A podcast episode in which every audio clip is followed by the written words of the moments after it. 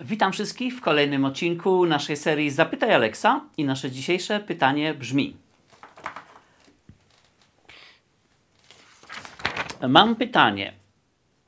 Powoli zbliżam się do punktu swo w swoim życiu, gdzie teoretycznie mógłbym żyć ze zwrotu z inwestycji i nie pracować. Wiem, że ty też tak miałeś, żyłeś na jachcie w USA i już nie musiałeś pracować ale coś się zmieniło i wróciłeś do pracy i porzuciłeś swoje spełnione marzenie. Dlaczego tak się stało? Przed czym mógłbyś mnie przestrzec, jeśli chodzi o takie własne marzenie? Nigdy już nie pracować. Okej, okay, to jest bardzo miły temat. Przede wszystkim wielkie gratulacje, jeżeli osiągnąłeś taki punkt, a zbliżasz się do niego, że nie będziesz musiał, jakbyś się uparł, to nie będziesz musiał pracować, no to fantastycznie. Jeżeli to robisz w miarę w młodym wieku, no to tym bardziej, jeżeli zrobiłeś to w uczciwy sposób, gratulacje z mojej strony.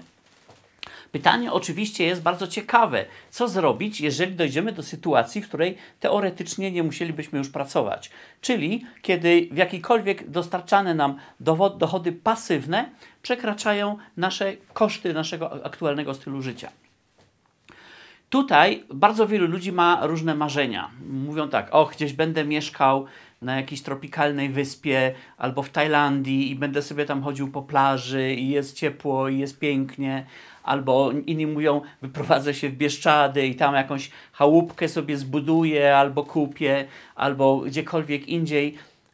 I, I, ja rozumiem takie rzeczy, bo ja sam miałem takie marzenia. Zawsze marzyłem o tym, żeby, żeby mieszkać na jaście żaglowym wśród tropikalnych wysp i, i mieć e, fajne życie, prawda? Słońce, plaża, seks, żeglowanie.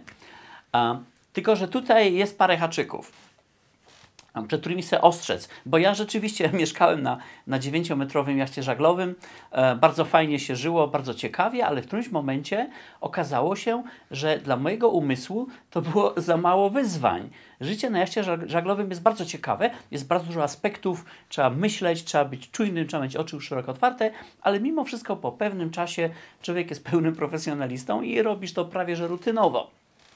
W tym momencie zabrakło mi nowych bodźców dla mego umysłu. I zacząłem, y, zacząłem za darmo doradzać różnym małym firmom na wyspach. Jak, jak to zauważyłem, stwierdziłem, równie dobrze mogę robić to w Europie dla dużych koncernów. I tu jest bardzo istotna uwaga. Bo jeżeli w młodym wieku dorobiłeś się sytuacji, kiedy nie musisz pracować, to prawdopodobnie masz dobry umysł, potrafisz dobrze myśleć i posiadasz pewne unikalne umiejętności. Jeżeli teraz porzucisz to kompletnie, to pierwsza rzecz będzie taka. Po pewnym czasie zachłyśnięcia się tą wolnością, Twemu umysłowi będzie brakowało ciekawych zadań do rozwiązania. I oczywiście możesz szukać sobie innych ciekawych zadań do rozwiązania, tak jak ja to robię. Ja robię bardzo różne rzeczy, uczę się coraz to nowych rzeczy, to po prostu daję strawę mojemu umysłowi. Ale to jest ta jedna rzecz. Jeżeli chodzi o rzeczy, w których jesteś naprawdę dobry, to jest to Twój kapitał. To jest kapitał, który trudno byłoby Ci odebrać, bo to, co masz w banku, to, co masz w akcjach, to, co masz w nieruchomościach, różne rzeczy mogą się przydarzyć i się przydarzają niestety. Ale dopóki Twój umysł funkcjonuje, no to jeżeli potrafisz funkcjonować, potrafisz robić rzeczy, które robią dużą różnicę u klientów, którzy mają na to pieniądze, to zawsze możesz nawet zacząć od zera i odbudować to. Dlatego tu jest bardzo ważnym elementem jest to, żeby nie stracić tego, co masz. Na przykład ja, popatrz, ja pracuję 50 dni w roku zarobkowo, nie po to, że jest to mi absolutnie konieczne, ale po to, żeby, żeby pozostać, mieć wprawę dalej, żeby w tym, w czym jestem dobry, być naprawdę bardzo dobrym, bo zauważyłem, że jeżeli będę robił tego mniej, no to wtedy tracę, tracę wprawę. Tracę wprawę tak jak muzyk, który nie gra, jak aktor, który nie gra, jak chirurg, który nie operuje. I prawdopodobnie podobnie może być też w Twoim wypadku. Także tutaj, jeżeli nie będziesz musiał pracować, a w miarę lubisz Twoją pracę, bo jak nie lubisz, to jest inny temat.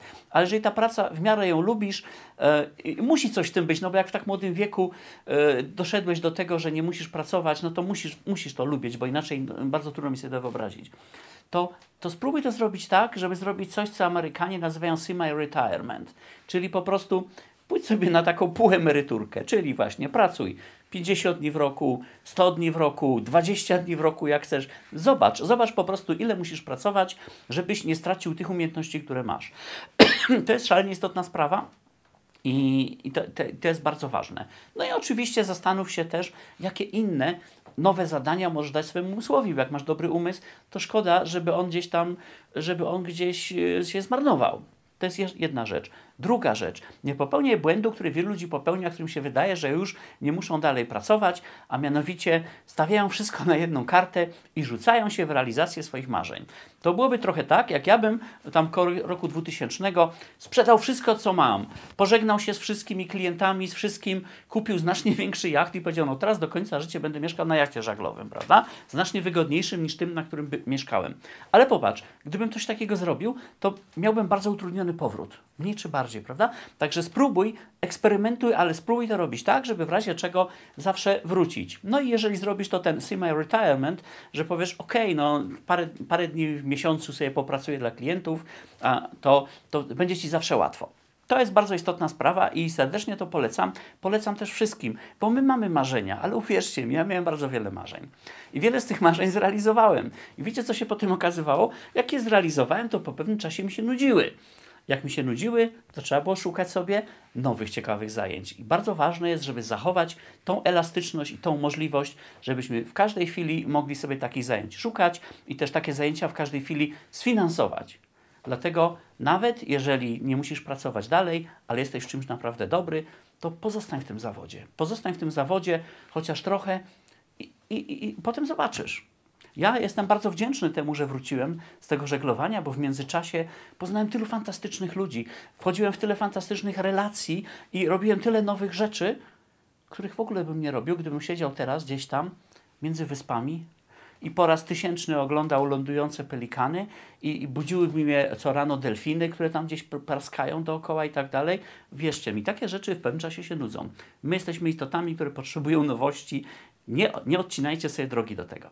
Ok, tyle na razie. Mam nadzieję, że to się czegoś przyda. Jeżeli uważacie, że to jest wartościowe, po, podlajkujcie to na YouTubie albo na Facebooku. W ten sposób więcej osób będzie mogło z tym poglądem się skonfrontować. Wszystkim Wam życzę, abyście jak najszybciej doszli do sytuacji, kiedy nie będziecie pracować z konieczności, tylko dlatego, bo, bo Wam się to podoba i tyle, ile Wam się to podoba. Fantastyczna sprawa, mówię Wam.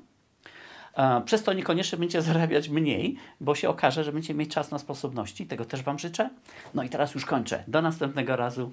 Cześć.